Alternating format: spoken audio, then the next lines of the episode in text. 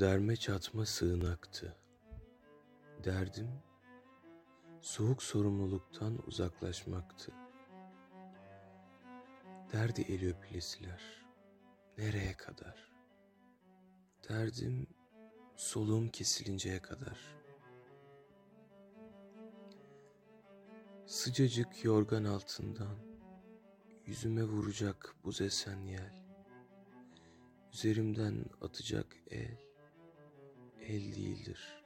Hal bizatihi kişisel.